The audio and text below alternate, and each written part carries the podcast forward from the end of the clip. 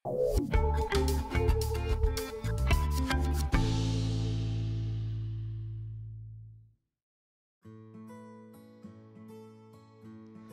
een van die vrae wat ek gereeld kry is, hoe werk ryk mense met hulle geld?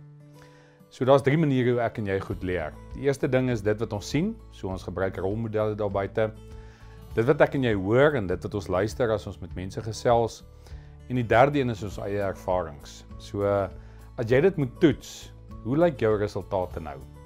Is jy besig om welvaart te bou of leef jy dalk nog in armoede? So die heel eerste verskil dink ek tussen welvarende persone en ouens wat armoede beleef is doodgewoon net hulle gedagtes. So gedagtes is die een ding wat konstant bly. En dit kan of armoedige gedagtes wees of welvarende gedagtes en jy moet daai keuse maak. So ek weet nie of jy al bekend is met hierdie sê ding van geld groei op my rug nie. Dalk is dit iets wat jy gehoor het en wat vasgesteek het in jou jong ouderdom. Die tweede konteks is dat welvarende persone bestuur hulle geld en nie hulle geld bestuur hulle nie. So jy moet doodgewoon 'n keuse maak van neem jy beheer oor jou geld en die maklikste manier om dit te doen is met 'n begroting. Die derde konteks wat verskriklik baie belangrik is is dat ek dink welvaart is een deel van 'n muntstuk, muntstuk terwyl armoede die ander deel is. En dit beteken doodgewoon het jy 'n beleggingsmentaliteit rondom jou geld of het jy 'n verbruikersmentaliteit?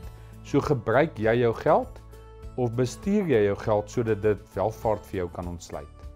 Een van die laaste goed wat baie baie belangrik is vir jou om te oorweeg is dat aan die einde van die dag spandeer jy minder as wat jy verdien of gee jy meer uit in terme van dit wat jy verdien?